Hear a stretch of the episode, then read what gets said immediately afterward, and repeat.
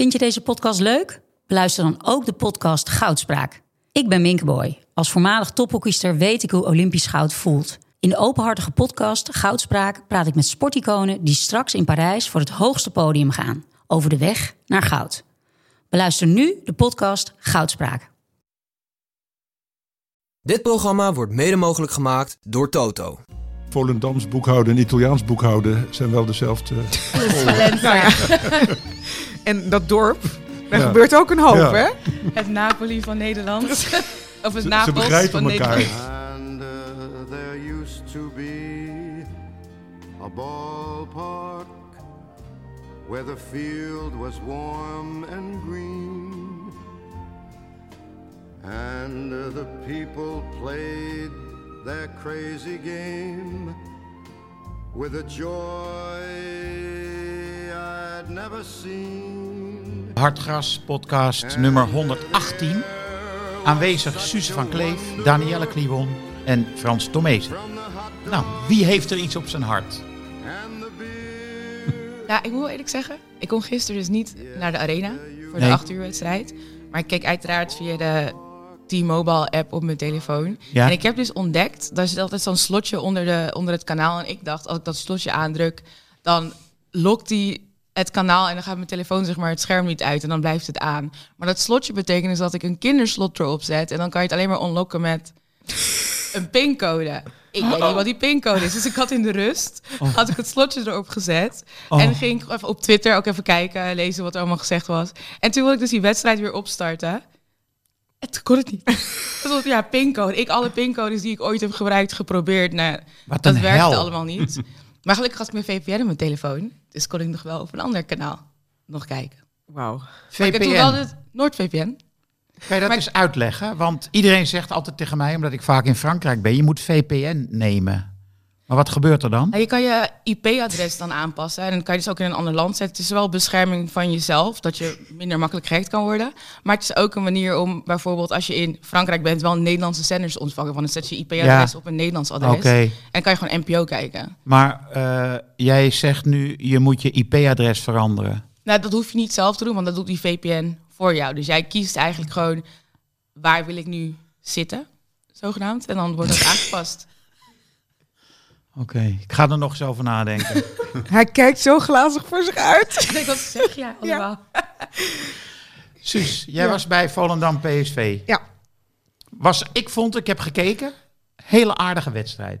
Het was, eh, er gebeurde zeker in de tweede helft een hoop. Eerste eh 20 minuten, half uur niet, niet echt. Ehm, geen kans gecreëerd. En eh, toen eh, ineens eh, wel. Eh, dus ik heb me goed vermaakt. Ehm, Volendam, leuk, voetballend. Ehm, PSV, zeer matig. Paasjes op eh, drie meter die eh, niet goed gingen. Ik dacht ook echt dat het 3-3 nog wel zou Ja, vallen. ik dacht het ook. was Maar er waren ook hele grote kansen voor eh Volendam. Ik bedoel, PSV kreeg aan de andere kant ook wel wat kansen. Maar hij hing wel in de, In de lucht, lucht. zoals ze dat dan eh Maar zeggen. Henk Veerman is daar aangetrokken voor heel veel geld, geloof ik. Betaald uit de zak van de, de volkszanger. Tenminste, als je de geruchten mag geloven. Maar die eh, krijgt hem er niet in.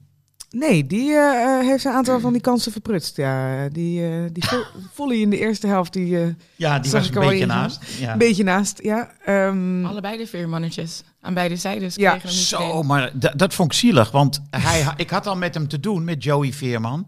Dat omdat hij eh, twee assists eigenlijk gaf. voor assist. Maar, ja, maar dat waren dus geen assists. Nee. Maar het, het had wel de kracht van een ja, assist. geweldige ballen. Alle- allebei, Ja, ja. absoluut.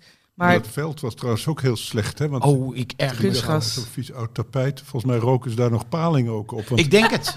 het is, iedereen gleed ook de hele tijd uit. ik heb dus ook mensen paling zien eten. Toen dacht ik, wauw, ik ben dat echt gooien ze waarschijnlijk gewoon op het veld. Ja, op, op het ereterras, namelijk naast de pers. Je zit helemaal in een hoekje. En daarnaast is dan het ereterras waar jouw volkszanger eh, zat. En daar wordt dan inderdaad dus paling Ja, en wat me ook opviel was dat er voortdurend, net als bij Amerikaans honkbal, er liepen voortdurend mensen heen en weer. Dat zag je dan Ja, eh, aan de lange kant. Ja, die waren aan het paling kopen.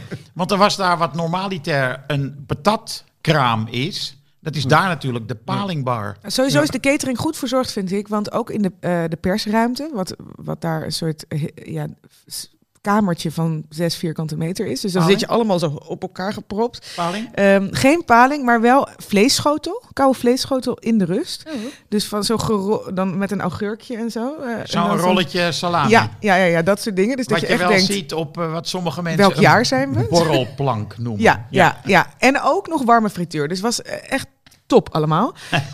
En toen begon die tweede helft ook nog heel veel doelpunten en gedoe en zo. Dus dat was wel leuk. Maar Joey Veerman, ik vond het... Hij baalde ook echt. Hij wilde gewoon echt daar wel dat doelpunt natuurlijk maken. Ja. Eh, en eh, Maar hij- dat missen zat toch wel een soort eh, Druk. druk van, ja, ik kan Ja. het niet maken en ik moet dat stadion ook nog uitkomen. En zo. nou, Er hij- er werden in. wel allemaal liedjes gezongen van Joey bedankt. ja. ja, dus dat is toch wel grappig. Ja, want hij, hij- miste die ene op een meter of zeven. Die die over het doel knalde. Ik vind zeven nog veel. Ja, ik heb het idee dat het nog dichterbij was. Ja? Nou ja. En die was al recht op de keeper gemikt, wat Ja. heel slecht was. En dan nog over, ja. Te veel nagedacht, denk ik.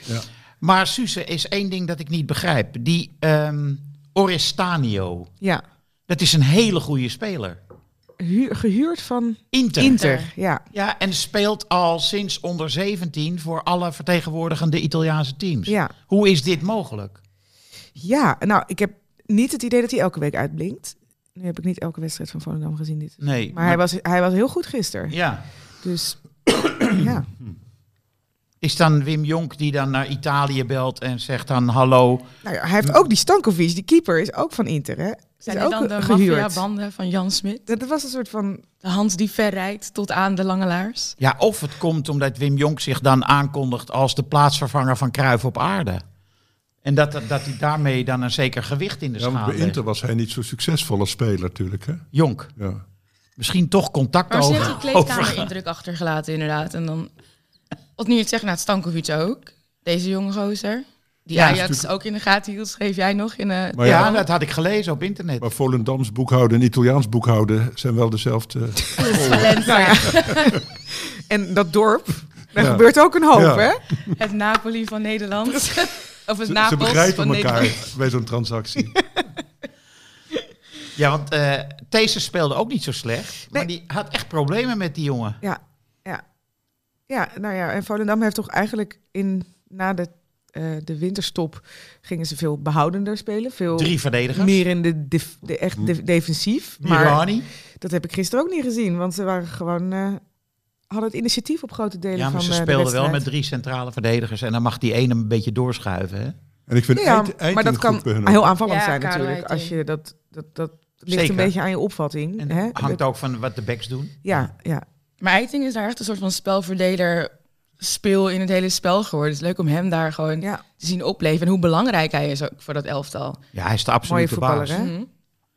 Terwijl Ja. bij Ajax ook is hij van wel niet, wel niet. Maar nu zie je pas van wat voor klasse die jongen echt heeft. Als hij gewoon in zijn sas zit in een elftal waar hij gewoon in kan Nou, renderen. hij, hij lijkt een beetje op die spelers zoals Klaasie en Veerman, die heel goede passing hebben, goed spelinzicht, maar misschien niet eh, stevig genoeg in het moderne voetbal om die duels eh, daar uit te vechten. Hè? Dat Ja. die, Ja, maar ehm, hij loopt ook verschrikkelijk veel, hè, die eh, Eiting.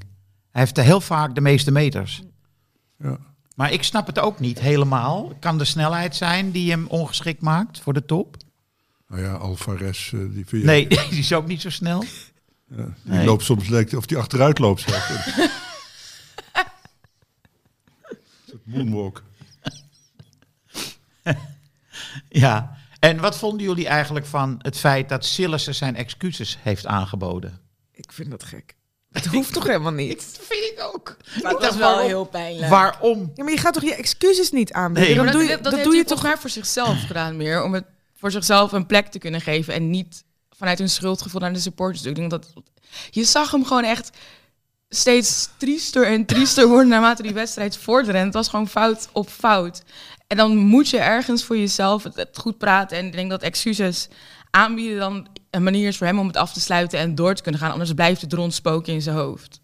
Ja, maar ik vind dat je wel diep door het stof en zeer nederig bent voor iets wat je gewoon niet expres hebt gedaan. Nee, dat klopt. Meestal bied je je excuses ja, aan. als je met, matchfixing hebt gedaan en daarom Ja, drie ja, ja. doelpunten nee, om de oren sorry. Ja. Nou ja, maar keeper is natuurlijk een mentaal iets. Hè? Dus ik denk wel dat er iets mis is met hem.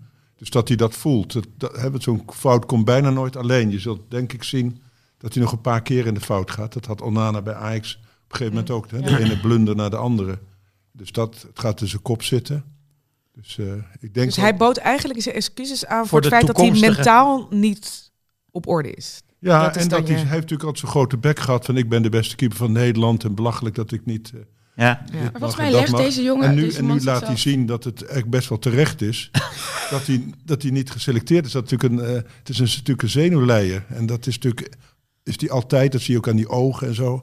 Hè, dus hij legt zichzelf ook heel veel druk op door dat soort dingen te Ja. zeggen. En dan is het ook niet raar. Ik vind het dan niet raar dat een Sillissen dan zijn excuses gaat aanbieden. Gewoon puur, als je het complete eh, plaatje er dan bij pakt, dan is het voor mij heel logisch dat hij dat denkt Ja, dat hij hij dat moet het doen. volgens mij niet aan NEC, maar aan het hele Nederlandse volk. Van ik heb jullie de hele tijd wijs gemaakt dat ik de Dat ik man, dat ik jullie ga redden en dat, dat die bondscoaches gek zijn. En nu heeft hij natuurlijk moeten toegeven dat al die praatjes wel een grond van waarheid eh, hebben gehad. En dat het eigenlijk eh, onverantwoord is geweest om zo lang ha- hand boven het hoofd te houden. Ik Oh, vind dat. Jasper Sillissen gewoon een goed seizoen keept. Jawel, hij, is, hij heeft natuurlijk talent, talent bedoel- maar- een keeper gaat het natuurlijk om meer dan goed keeper. Je moet ook iets uitstralen, van Ja. een soort rust, dat een verdediger denkt, ik kan het aan hem overlaten. En nu durft niemand natuurlijk weer de bal op hem terug En te vind jij het logisch dat eh Bijlo er meteen weer in staat bij Feyenoord en Wellenreuter eruit gehaald is? Ik had het niet gedaan, want Wellenreuter was echt heel goed, vond ik, eh laatste Ik wedstrijd. had het ook laatst waar is Wellenreuter? Wat gebeurt er?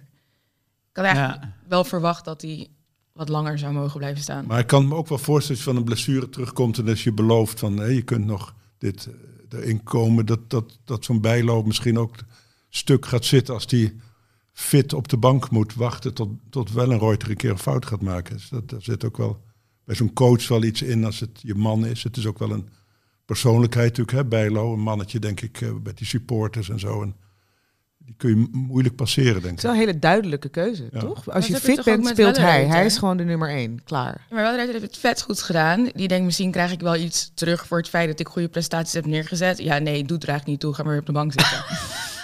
Ja, het is een beetje, Beetje pasveren hè, bij, bij, bij Ajax stuk. Hè. Die deed het wel ietsje minder goed op het laatst. Maar Ietsje.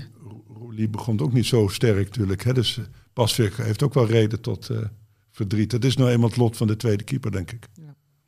Uh, Suze, nog even over Volendam PSV. Eh, er was een moment dat, en het was 30 seconden voordat Veerman die bal op Bakayoko gaf, Mhm. stond hij te ruzie maken met eh, Van Nistelrooy aan de zijlijn. Oh, oh, dat heb ik niet gezien. Ja, ik, ik begreep. Ik, Het zicht bij Volendam is eh, nee? moeilijk. Beperkt. Ja, dat- Ja, ik zit een dan helemaal, weer, helemaal in de hoek. Ja. En dan zie je dus voor. eigenlijk... en dan zie je aan je eigen kant dus eigenlijk ook niets. Ja, Eh, dus dat heb ik niet gezien. ja, ik vroeg me dus af wat er, waarom. Ja. Simons was een ook leuk- niet blij met zijn wissel. Nee, Ik vind Nee. Bakayoko wel eh, goed spelen de laatste weken. Dus ik, en, gisteren niet hoor. Nee, was gisteren niet. Nee. Veel Maar het balverlies. is wel zo'n intuïtieve speler die ook eh, Ja, de meest vreselijke dingen doet. Natuurlijk voor een trainer, denk ik, dat hij zomaar... onbegrijpelijke Ja, keuzes eh, maakt. Ja, onvoorspelbaar. Nee, maar Simons had eh, denk ik eh, zijn minste wedstrijd van het ja, seizoen. Simons viel meer. Ja, Dus, die was ook heel zaggerijnig met die wissel. Ja. Ja, dat vind ik wel Maar dan ik wordt daar ook weer een foto van gemaakt. En dat wordt weer getweet. En dan gaat iedereen er weer mee in de haal. Nadat hij al, weet je, die, die, hoe noem je dat, spreekkoor van Simons is homo. En dan gaan we deze foto nog even uitkiezen om de eter in te gooien. Dat is ook wel onhandig. Of eh expres gedaan. Waarschijnlijk expres gedaan. Ja, toch? Ja, nee, denk het ik, is niet per Denk daar ook gewoon even over na dat het niet handig voor de jongen ook is. Nee, ja, ik, eh, Van Nistelrooy ging daar toch ook prima mee om. Die zei gewoon, ik vind die beleving wel mooi. En eh, ja, Hij, Ja. ma- hij mag balen. eh, als hij, er, hij wil altijd zijn bijdrage leveren. Eh, nou ja, deed hij niet, dus ik ben hem eraf gehaald. Ach, na de wedstrijd stond hij, te- dat vond ik leuk. Toen, toen stond hij net voor de perstribune stond hij te praten met vrienden, denk ik, die waren komen kijken. En ehm, een paar meter verderop stonden er heel veel kleine kinderen zijn naam te roepen. Hij is gewoon nu al dus een echt een idool van, Ja. van kleine kinderen van de tegenstander. Ja, maar omdat hij En- zelf klein is. Want toen mijn zoons klein waren, was ook iedereen een fan van Messi. Ja, ja. Ja, dat ging niet over zijn voetbalkwaliteiten. Dat ging Nee, gewoon over zijn afmeting. Die kon in de jeugdelftallen, viel, zou die niet zijn opgevallen. nou ja, ik, bedoel, ik vond het eh, aan, aandoenlijk, want hij hoorde het. Hij eh, ging naar ze toe. Hij eh, trok zijn Handtekening zijn- grote jas uit, zijn shirt uit. Gaf, een van zijn, gaf zijn Ah. wedstrijdshirt aan eh, zijn blond eh, Volendams jongetje. Aai over zijn bol en eh, nog even op de foto of het was. Dat vond ik, dacht ik, nou, dat vind ik Leuk. om te zien. Dat Ja. hij daar even aandacht aan besteedt. Hoeft Ja. niet, mag wel. Ehm, Hey, en, en, en Sangaré, want eh, waarom staat Ja. hij er nooit meer in? Is dat ruzie of gaat hij weg of zo? Is hij een transfer bezig? nee, hij gaat zeker weg. Ja. Ik denk, Denk dat het voor, de, voor zijn transferwaarde toch niet goed is als je wisselspeler bij PSV bent. Dus Tenzij er al iets bekonkeld is. Oh, dat er al een eh, afspraak is. Ja. ja, Van Nistelrooy z- zegt in een beetje bedekte termen dat hij hem niet in vorm vindt. En dat, je, dat hij dan vaker eh, mensen niet in vorm natuurlijk op Ja. de bank zet. En dat je dan een reactie moet geven. Er zijn er wat meer niet in vorm bij PSV, dus dan had hij het hele tweede team kunnen opstellen. Nou, hij had wel vrij, eh, laten we zeggen, eh, een wisselbeleid wat wel eh, doortastend was. Want hij haalde gewoon eh, ze alle twee, en, en eh, Xavi en ehm Bakayoko er tegelijkertijd af. Gewoon, de- iedereen ging, er, eh, ging Ja. eraf. En als een Til naam. en de Jong Ja. ook. Dus ik Zijn- denk, zijn ze, hele ze, vier... willen ze- niet meer, ze willen niet meer scoren, dacht ik. Bizar, toch? Ja. Zijn vier vooruitgeschoven spelers, die, Ja. die werden gewoon gewisseld alle, allemaal. Ja. En ook Til. Til zat zo lekker in de wedstrijd. Ja. ja, die was ook niet blij. Nee. Ehm, waarom waren- was er een vak leeg bij Volendam? Dat weet ik niet. Ja, dat vroeg, ik, niet vroeg ik me af. Het was een heel vak leeg. Ik heb al deze randzaken gewoon niet Zo, Dat kon je onderzocht. gewoon Maar zo'n wedstrijd was het wel een beetje dat je stadion gaat letten. stuk?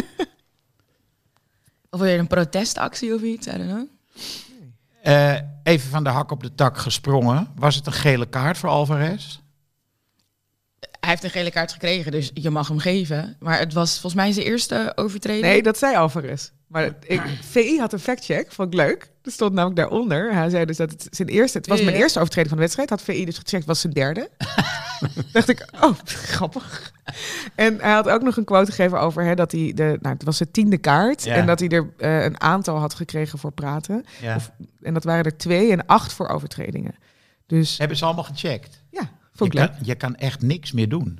Nou ja, je wordt wel met... Dat, dat, is, toch goed, dat is journalistiek, toch? Ja, Eh, een zeker. speler die beweert wat... Vooral die over die overtreding. Dat vind ik echt wel interessant. Want die, die voelt zich dus ook. Op de, hele op domme de overtreding. middenlijn. like, tegen Emma, doe normaal. Je weet dat je volgende week tegen PSV moet. Je weet dat Ik dat de wedstrijd voor de tweede plek is. Nou is het bij die Alvarez ziet het er altijd wel erg uit, omdat het zo, ja, zo lomp eh, gebeurt. Hè? Dus ja. wordt niet altijd gezegd dat een lompe overtreding ook een ernstige is. Maar ik het vind groot het verschil met wel... Martinez. Je maakt zeg maar elegante overtredingen die tien keer harder zijn dan die van Alvarez. Zo. Maar het lijkt minder hard door de manier waarop hij het doet. En met Alvarez heb je inderdaad wel zoiets van... Oeh. Ja, maar dat weet je dus als Alvarez. En daar zou je dan, als je naar de top wil, misschien wel iets aan moeten doen. Want ik denk dat je niet per se heel eh, eh, aantrekkelijk bent voor grote clubs op het moment dat je tien, eh, nou hij gaat er nog wel meer pakken, twaalf gele kaarten pakt. Nou ja, Casemiro die... eh, ja, die pakt zo ja, maar dan heb je het toch ook wel over een ander niveau speler. Als we het Nou, niet wat betreft het pakken van gele en rode kaarten.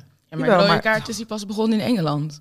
Die Casemiro, Ja? die kreeg toch vaak rood bij Nee, die eh, kreeg heel vaak geel bij Madrid, maar hij is geen rood. Juist niet. Dat Op is het, dat is het bijzondere van Casemiro. Die weet zich nog wel op, op tijd zeg maar, in te houden dat hij niet die tweede gele kaart of een directe rode krijgt. En wat, wat Suze zegt, Alvarez moet dat ook gewoon leren in nou, zijn maar hij zegt, ik ga mijn spel niet veranderen. Dit is mijn stijl. Dan denk ik, Ja, maar er is oh, een verschil tussen passie, green aan, zeg maar, er vol voor gaan en ook even nadenken. Ja. Want je benadeelt nu gewoon het hele team. Wat gaan we doen tegen... Wat, sorry, Ja. wat gaat Ajax doen tegen PSV Ik- zonder Alvarez? ik vond het wel een slechte scheidsrechter. die nachtegaal. Wel zo'n beginneling. Jonge scheidsrechter. Ja, die toch? alles doet volgens de regeltjes. En dat vind ik wel irritant dat die KNVB het beleid heeft. Hè? Een beetje stevig inkomen moet kunnen. En een duwtje in de rug eh, gaan we ook niet meteen voor fluiten. En hij floot echt voor alles. Maar daar dat was hij wel consequent in. Jawel, maar dit is voor spelers ingewikkeld. Dus als je gewend bent dat je best wel ver kan gaan in het eh ja, maar. Alvarez krijgt van elke, krijgt, ik bedoel, het is als zijn tiende kaart. Dus het, het is niet een uitzondering. Hij kan het wel, want met het opstootje tegen Feyenoord, waar iedereen Oh ja, toen liep hij was, weg. toen liep hij de andere Ja, kant ja, op. ja, ja, want ja, ja. Ik ga geen kaart pakken. Ja, Maar hij draait ook altijd zijn lichaam erin. Dus dat is Ja. ook iets. Dus hij neemt altijd een ja maar dat moet hij wel, want als, eh, als ze bij hem wegdraaien is hij geklopt. Ja. Want eh, hij kan niet zo Nee, snel maar daarom, springen. hij gaat altijd of ik neem de bal of ik neem de bal en de man. Dat Ja. is gewoon zijn, zijn eh, uitgangspunt. Dus, dus hij gokt wel inderdaad veel op eh, dat de scheidsrechter het een schouderduw vindt. Ja. Ik zit de hele tijd aan een combinatie te denken tussen nachtegaal en fluit. Maar goed. Fluitend en nachtegaal. nou. Oké. Misschien kom je er nog op terug. Nee, ik kom er niet meer op. ik dacht, er moet, iets, er moet iets zijn tussen fluiten en nachtegaal. Was Maar- er, was er één moment dat jullie gisteren van Ajax hebben genoten? Eén Eh, paas van Timber, volgens mij. Toch? Op de go van de 2-0. Steekpaasje. Oh ja. Dat was het ding dat ik dacht, oeh, dat zag er mooi uit. Oké, ik ga weer verder met mijn spelletje, want van de rest is er niet zoveel aan. ik Het was, vond het was echt een zaadwedstrijd. en Echt een de assist zaadwedstrijd. van Sanchez.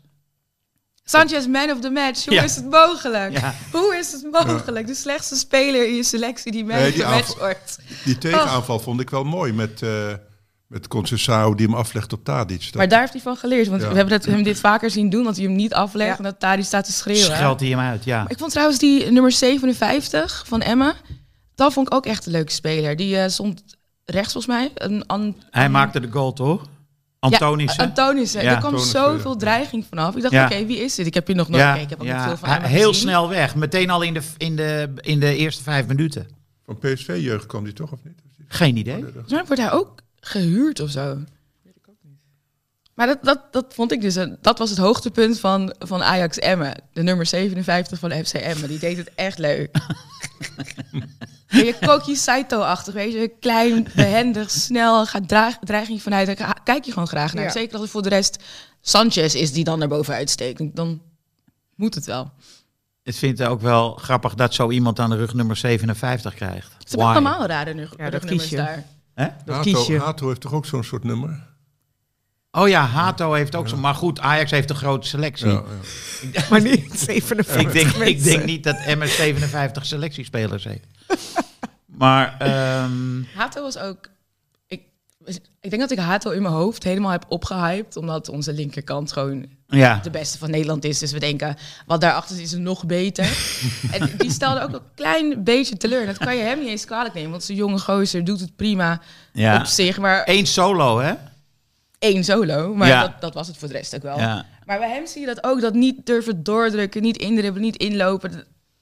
Wat, wat wordt hier afgesproken achter de schermen? Grealish die er weer stond, die het spel op bepaalde momenten nog meer ging vertragen.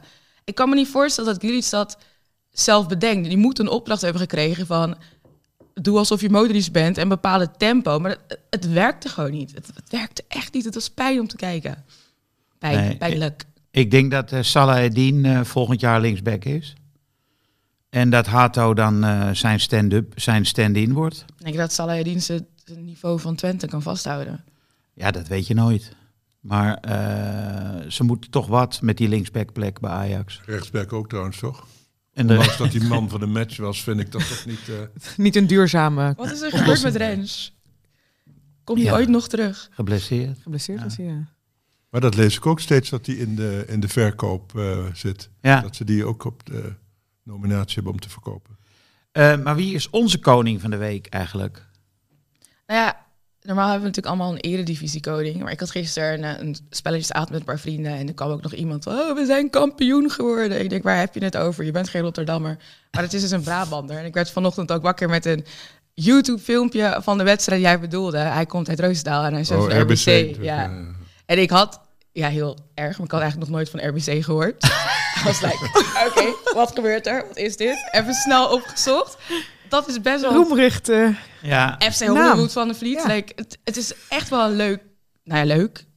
Een goed verhaal, weet Ja. je. komt Van 2011 Hooijdonk daar niet gaan. vandaan? RBC zou best kunnen, ja, want het was vroeger een profclub. Ja. Maar dat ze dus in, in iets meer dan tien jaar van de vijfde klasse, dus nu gaan promoveren Ja. naar de eerste klasse.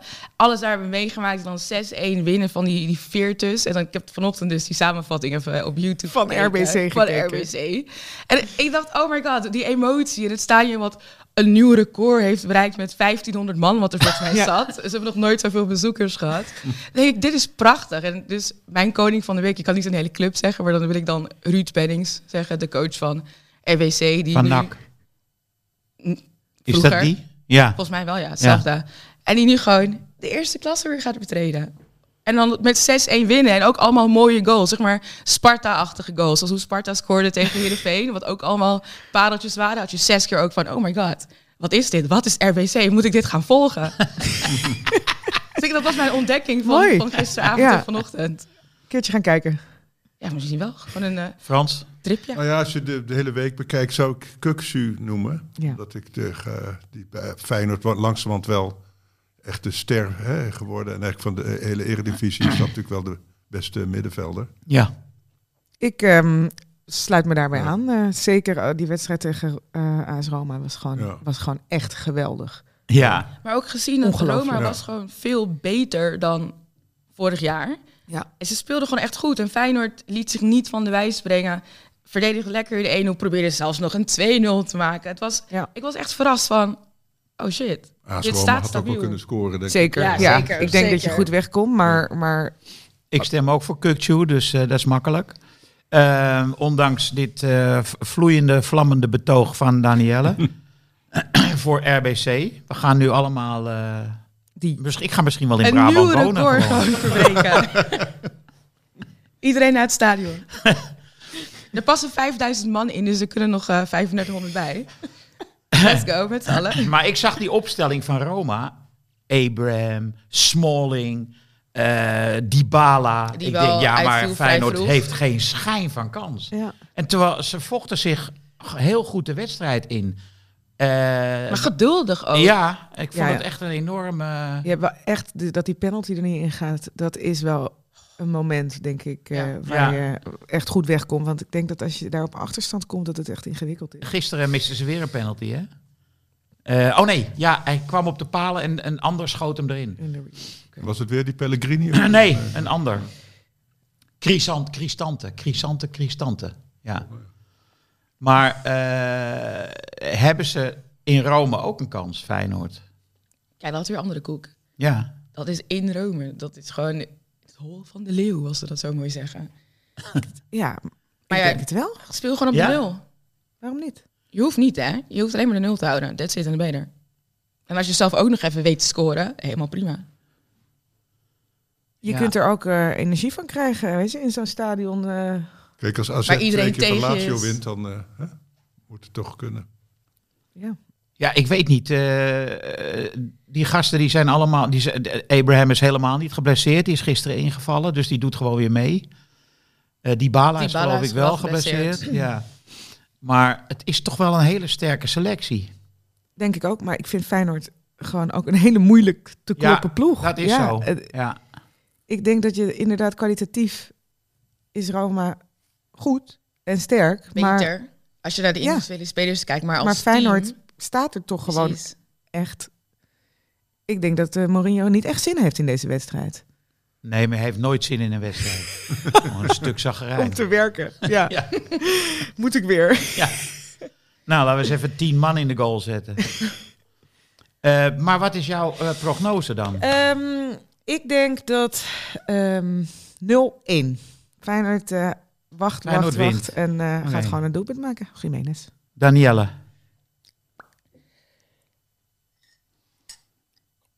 1-1. Het waren- Roma komt de voorsprong en Feyenoord maakt heel laat in de blessuretijd de verlossende treffer. Ja, door Jiménez waarschijnlijk. Probably. Maar ik zou Danilo ook, ook wel leuk vinden dat hij dan invalt, vijf minuten koud op het veld staat en dan per ongeluk tegen een bal aanloopt en die gaat erin. Weet je, zoals die Ik denk Maguire 0-0, eigen goal. 0-0. 0-0? Ja. Maar we denken allemaal, oh nee, jij moet nog. Ik moet nog.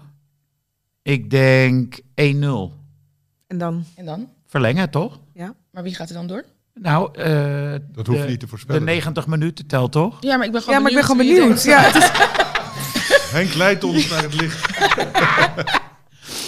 Ja, als het verlengen wordt, dan eh, heeft, heeft Roma denk ik meer kans. Maar Feyenoord heeft ook een lange adem.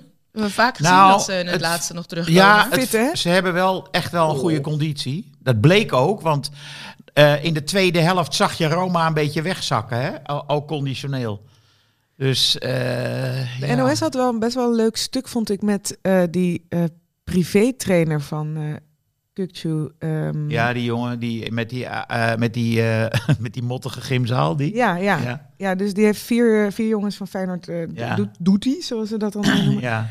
En het was wel interessant, omdat het echt wel iets zegt over hoe die clubs ook veranderen, hoe ze daar tegenaan kijken. Omdat eh, voorheen, eh, hij, hij vertelde over, hè, voorheen werd Stefan de Vrij werd, eh, Ja. gestraft toen Die hij voor zichzelf trainde. Ja, ja. En nu zit hij dus, deze trainer, in een appgroep met de inspanningsfysioloog van, Van Feyenoord. Feyenoord. Hebben ze gewoon de hele dag contact en wat zal ik eens doen en kan ik dit met ze doen of whatever.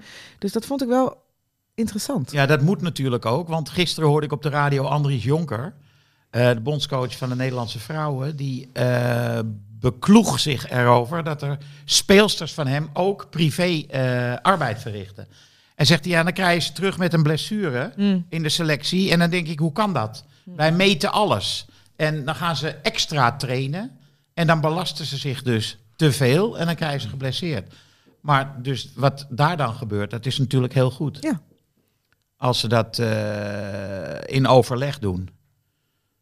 maar ik vond het ook een beetje romantiseren. Ik- Het is gebaseerd op een stuk in de Volkskrant, denk ik, dat, ehm, dat item.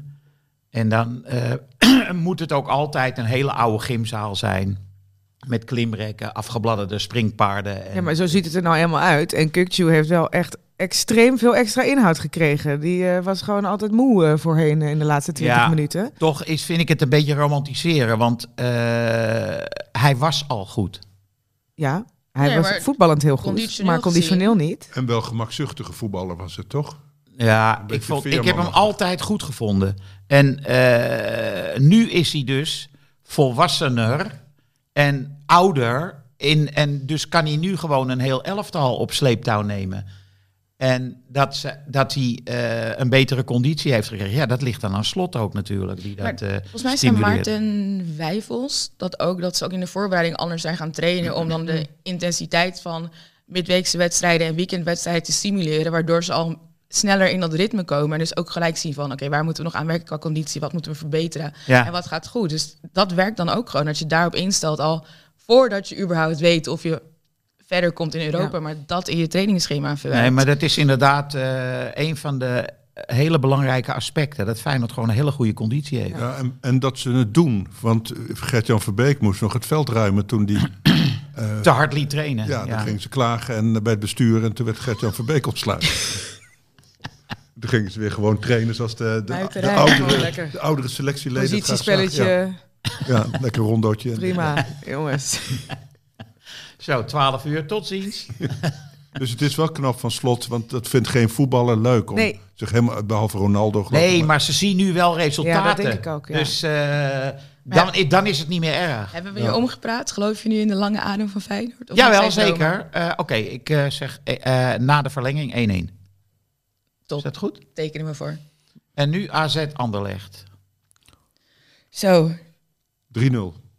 Oh, Serieus? Ja, ze gaan er terug eh, pakken, want ik van de Anderlecht kon ook niet helemaal niks van. En Nee. AZ is natuurlijk wel in een dalletje eh, beland.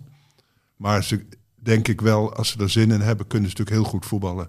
En eh, veel beter dan eh, Anderlecht, vind ik. Dus ze kunnen het wel. Suze.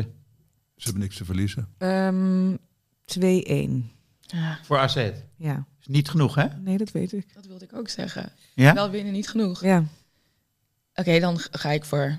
3-2. Ja, maar dat is weer te veel. dat zijn weer te veel goals. Ga ik voor 1-0 voor AZ. Eh. ja, ik heb Anderlecht me- heeft laatst met 5-2 eh, verloren. Hè? Die, Ja. die, vliegen er zo in bij hun. van, van Oké, oké, ik ga wel Genk. voor 3-2. Ik ga wel voor 3-2. Genk, ja.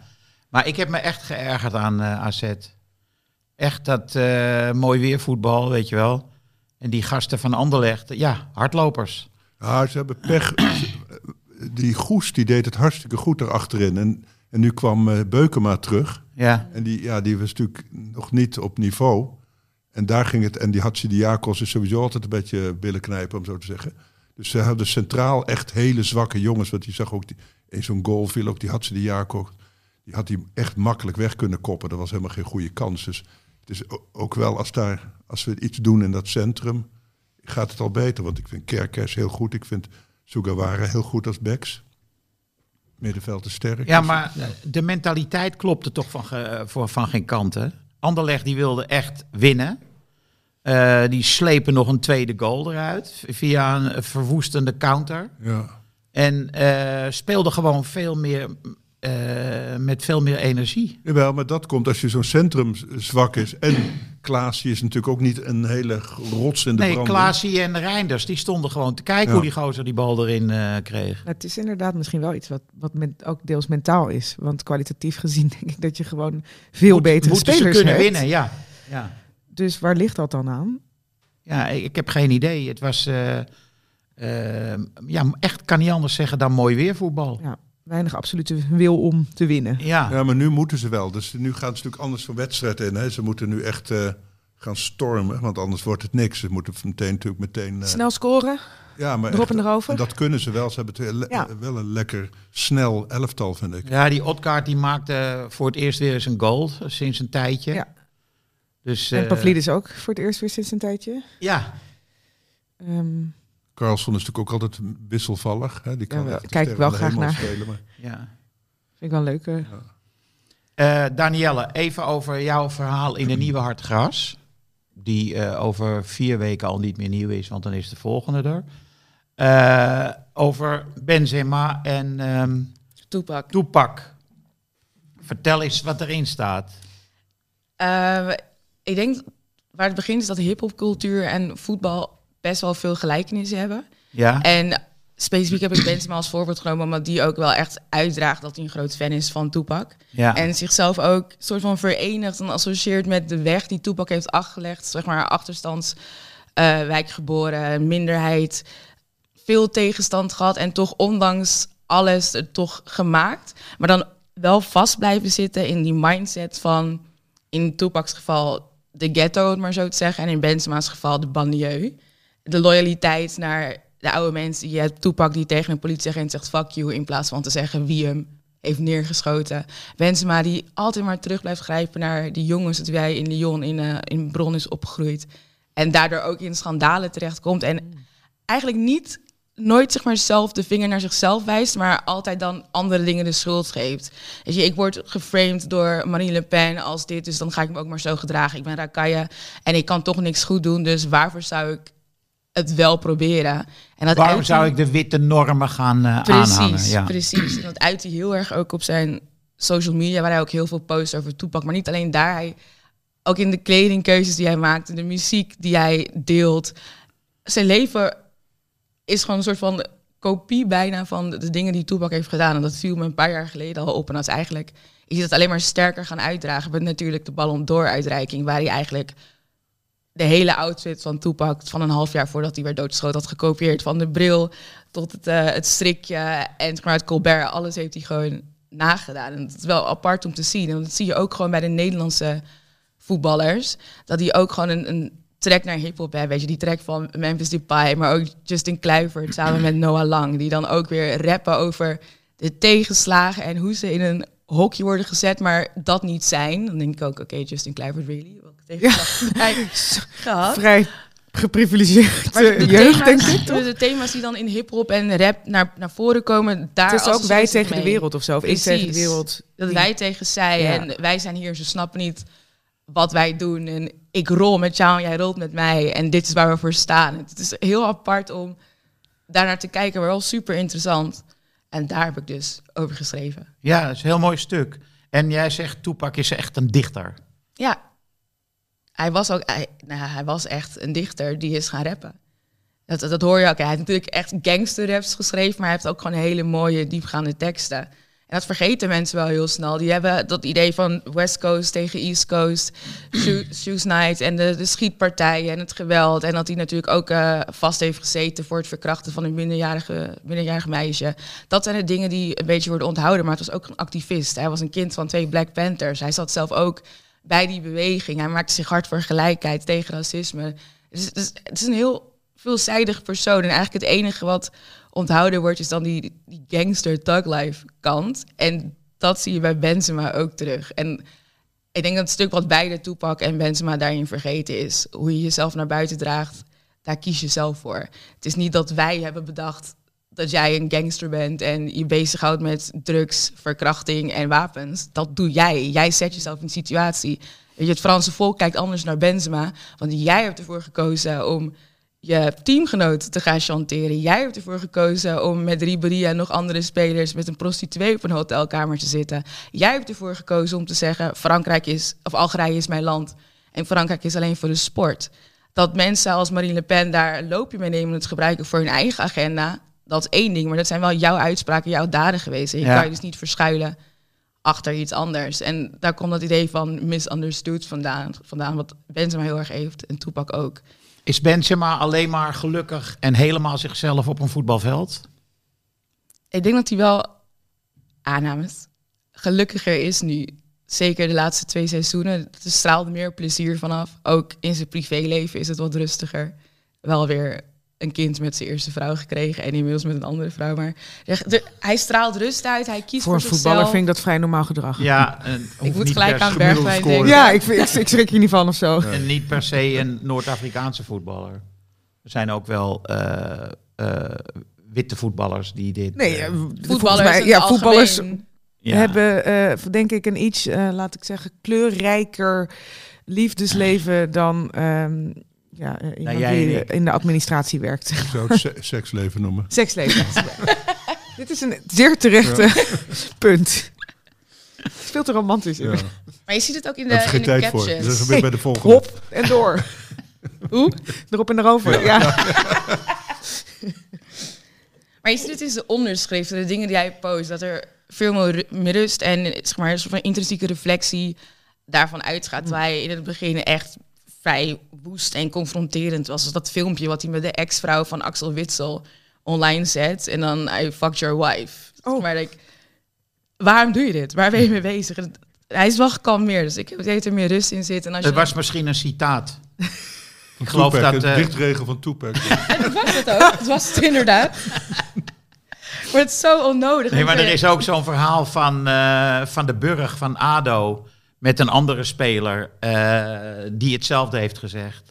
De kale. Ja, ja tegen die andere speler. Ja, ik ben vergeten wie dat was, maar eh, nou ja, anyway. Ja. Dit, dit is ook typisch voetbal. En soms niet- gebeurde het toch? Bij Ja, wat, natuurlijk. Boy Waterman, wat was dat niet? Was, bij zo'n keeper. Die, waar, waar twee anderen iets weer mee hadden, maar goed. Frans ik moet de nu Munt. denken aan Kevin De Bruyne en eh, Courtois.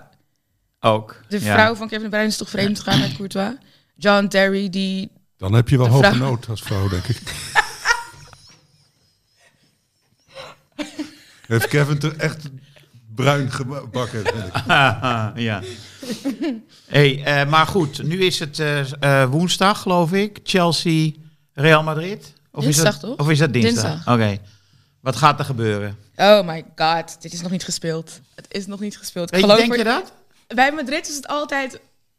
Iedereen over till it's over. Pas het laatste fluitsignaal is het laatste fluitsignaal. En dat geldt ook andersom als we wel, zeg maar, voorstaan. Ja, maar ik ben eigenlijk veel geïnteresseerder in Bayern München en Manchester City. Want ik hoop zo dat Bayern dit kan rechtzetten. Want Madrid gaat niet winnen van City.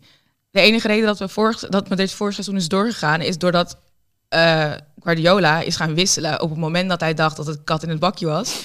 is hij gaan wisselen. En toen kwam Real Madrid terug. Hij heeft zijn sterkste spelers eraf gehaald om Maar te jij wil dus dat Bayern gaat winnen, zodat je City niet tegenkomt. Juist. Ah, oké, precies. Duidelijk. En we willen ook niet dat Mané weer op de vuist gaat met Sané. Dus ze moeten wel winnen. Ik denk dat eh, als, eh, ik las vanmorgen een stukje in The Guardian, dat, en dat als zelfs The Guardian schrijft van, ja, Lampard is absoluut niet opgewassen tegen deze taak. Dat is een hele, laten we zeggen, voor The Guardian een harde uitspraak. Dan zullen ze toch niet zoveel kansen hebben tegen Madrid. Je weet het niet. Hij verliest alles. Dus Ik het, heb ze eh, gezien eh, zaterdag tegen, eh, wat was het? Brighton. Brighton. 2-1, ja. Het was niet te doen. Zo slecht. Echt, eh, en Brighton is natuurlijk qua voetbal veel beter dan Chelsea. Ja, maar het blijft voetbal. hè. Ik bedoel, je zag ook zaterdag Madrid, die bal wilde er niet in. Terwijl ze veel beter waren. Ze waren echt oppermachtig, om het maar zo te zeggen. Uiteindelijk wel met 2-0 gewonnen. Maar je hebt ook van die dagen dat alles wat je probeert, heb je 30 schoten op doel. En dan gaat Maar jij in. probeert het nu gewoon niet te jinxen. Dit is gewoon echt de supporter die hier Ja. spreekt. Eh, realistisch gezien, Gaan ze uiteraard winnen. kijk. Ja. 3-0, denk ik. En- ja, een 3-0, denk ik. En Benzema, en Benzema mist wel een bal tegen Cadiz. Of twee of drie. Maar tegen Chelsea mist hij die ballen niet. Kijk, maar dat is dan ook weer het stom. Ik probeer mezelf weer helemaal in te dekken. En nu wil ik gewoon zeggen, het wordt 3-0 en Benzema maakt een hat-trick. Ja. Maar dat mag ik niet zeggen. Linkerbeen, rechterbeen, kopdoelpunt, klaar. Ah, Suze, wat doe je me aan? Oké, in. 3-0, hat-trick, Benzema, let's go. Ik moest wel lachen, eh, de inleiding van Siert de Vos, die eh, over Bayern tegen City zei van... eh, en eh, de klassieke Europese, de klassiek Europese club neemt het op tegen het geld uit Arabië. dat was de inleiding. Ik denk, eh, mijn dochter zou dit Orientalisme noemen. Maar je moet Vooral, ook wel... vooral als je het over een club hebt waar de voorzitter toch nog een tijdje in de bak heeft eh, Nou ja, en eh, waarvan de Heimaat eh, gewoon ehm, een zekere rol heeft gespeeld. Nog niet zo al te lang geleden. ja, Maar die wedstrijd is ook nog niet gespeeld. Ik We dachten ook dat PSG Barcelona had uitgeschakeld. Dat, dat werd het ook niet. We dachten ook dat Madrid drie keer was uitgeschakeld. Ik denk dat Bayern echt nog wel... Nou ja, maar de grote fout is die, dat ze die, die, die gluiperd van een Toegel genomen hebben. Die een hartstikke goede, hartstikke goede trainer. Het ging heel erg goed. ja. En die Engert die overal eh dood en verderf zaait, zou ik maar zeggen, bij elke club waar hij gezeten heeft. Die haal je dan binnen als de grote verlosser. Dat Ja. gaat nooit. Ik, ik gun het Bayern ergens wel, maar, ik, Maar vind- Tuchel niet. Ja, ik snap niet dat ze het gedaan hebben. Midden in het seizoen. Wat was er nou Mis Ja. met mis Ze spelen, speelden hartstikke goed. En ze hebben het enige probleem wat ze hebben, is dat ze veel te veel van die sterren voorin hebben. Hè, dus die, die gaan inderdaad met elkaar op de vuist. Want die willen allemaal in de basis. Ze kunnen twee voorhoeders opstellen die eh, met internationals. ja. En dat is hun probleem. En die Toegel is misschien wat meer gewend om met sterren om te gaan dan Nagelsman. Dat is het enige. Maar ja, goed, als ze op de vuist gaan in zijn kleedkamer, heeft hij het ook niet goed. eh, Maar ook gemanaged. Mané, van alle spelers, of je het niet denkt, dan is het Mané. Die is altijd de rust zelf. Nee, ook. Zo maar die is toch helemaal over. gefrustreerd daar. Die is, die, die is echt eigenlijk over, totaal ja. niet nodig daar, zou ik maar zeggen. Dus hij, hij voelt dat ook. Hij was bij Liverpool, was hij natuurlijk samen met Salah de Ja. absolute ster. Ja. En hier is hij gewoon één van de spelers. En, eh, en hij is vroeger natuurlijk, heeft hij bij eh, Salzburg, weet ik wat, in, de, in die Duitse sferen gespeeld. Dus hij dacht, ik kom nu als koning terug. En dat is eh, mislukt. Tot zover Oké. de Duitsers weer eens. Maar goed, dus, nu doen we het niet te lang over hebben. Ik vind het trouwens wel leuk dat de licht het zo goed doet bij eh, ook, Ja. Ja. Dat is echt... eh, Volgens mij ehm, had. ehm, ik heb he- met heel veel plezier gekeken naar die wedstrijd. Ik had het idee dat Guardiola een super sluwe psychologische truc had uitgehaald. Door in de voorbeschouwing eh, de licht eh, werd toegepraat naar een eh, duel met, ehm, eh, hoe heet hij? Haaland. Haaland, ja. Terwijl zijn compaan, eh, de zenuwachtige, de zenuwachtige, eh godver, kan nu zijn naam komen, uh, Upamecano, die speelde dus op Zo Haaland. zielig. Ja, maar twee keer wisselde de Bruine met Upamecano van positie. Eh, de, twee keer kwam de licht op Upamecano te staan en... ehm, Ja? Hè? De Sorry, eh, kwam de licht op eh Haaland? Haaland te staan en de, bruin, op en de Bruin. bruine kwam op Upamecano. En ehm, volgens mij kon die jongen daar helemaal niet Hij tegen. was het helemaal kwijt, maar je zag Ja. het ook in zijn ogen. Je Ja. zag de paniek en hij wist Ja. gewoon niet wat links en rechts meer was. Het was zo zielig. En dan denk ik, wissel die jongen. Dit wordt Ja. alleen maar erger. Die, Ja. Zijn zelfvertrouwen tank je helemaal. Neem hem in bescherming, want er was volle paniek. Ja. Ik En de echt licht- van, en oh, de ik licht wil je bleef- knuffelen, kom bij me. ja, ja. En, de lucht, en de licht bleef buiten schot, hè? Mhm. Want die heeft niet een fout gemaakt, echt. Die was echt stabiel hoor. Ja. Die deed prima. Ja. Maar zijn directe centrale verdedigende partner, die Ja. zakte volledig. Ah, eh, en die Sommer is natuurlijk ook eh, een subtopkeeper voor zo'n club, hè? Ja, hij is niet zo verschrikkelijk groot ook. Nee, want die- er was wel een of zo'n goal die in de verre hoek ging. Het is geen Courtois. het is geen Neuer. Nee, maar het is ook niet iemand met een hele grote sprongkracht. Zo, Dat zie je eens van die kleinere keepers. Maar het is, ik vind het, ja, een, een- ik zou, eh, hè, dus als je het vergelijkt met Neuer vroeger, ja, dat is geen partij. Dat, dus ik Ja. vind het, ze hebben een ondermaatse keeper voor dit niveau, vind ik. Ja. Had Neuer niet moeten gaan skiën. Ja, fascinerend toch? Dat, Blijft dat je echt dat doet. bizar. Ik vind het echt Dat hij er toestemming voor Maar heeft dat maakt zo'n, we hadden het over, eh, onprofessioneel. over Sillissen, maar dat geldt natuurlijk ook voor zo'n Sommer. Die maakt toch ook zo'n verdediging onzeker, zo'n keeper. ja. Dat, dat denk je niet, eh, laat hem die bal maar pakken. En dan ga je toch... eh, Had hij toestemming om te skiën? Dat weet ik nee, niet. ze hebben, hij heeft Volgens mij niet. Nee. Hij is geschorst of zo ook door Hij de is al sinds die... Als je je been gebroken hebt, kan je toch niet spelen. Dus Nee, maar, hij heeft volgens wel mij- op zijn donder gehad. Ja, maar daarom is volgens mij uiteindelijk Nagelsman verdwenen. Omdat S- Nagelsman heeft die, die, keeperstrainer eruit geflikkerd. En dat was de beste vriend van Neuer. En Neuer is toen gaan rebelleren. En daar is volgens mij de kern van de... Van het conflict. Ja, waar die Dus het was echt FC muiterij. Hollywood Oh komt hier weer eventjes... eh, Maar echt. Gaan muiten. Neur is, Neur is gewoon een muiterij ja, begonnen om die- Nagelsman Ja, die eruit is, te die is werken. gaan klagen in de pers en overal. En die, die heeft natuurlijk gedacht, dat deze trainer uh, voor mij afgedaan. Ik, uh, ik bepaal het zelf wel. Wauw. Summer Ik, hoor een, ik zie een duimpje. Ja. Dus dat betekent dat we gaan afronden. En eh, dat we er volgende week weer zijn. Yes, there used to be a ballpark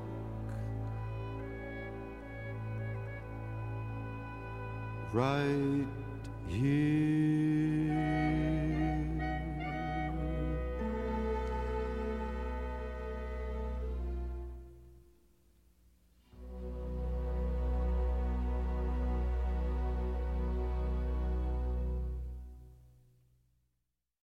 Dit programma werd mede mogelijk gemaakt door Toto.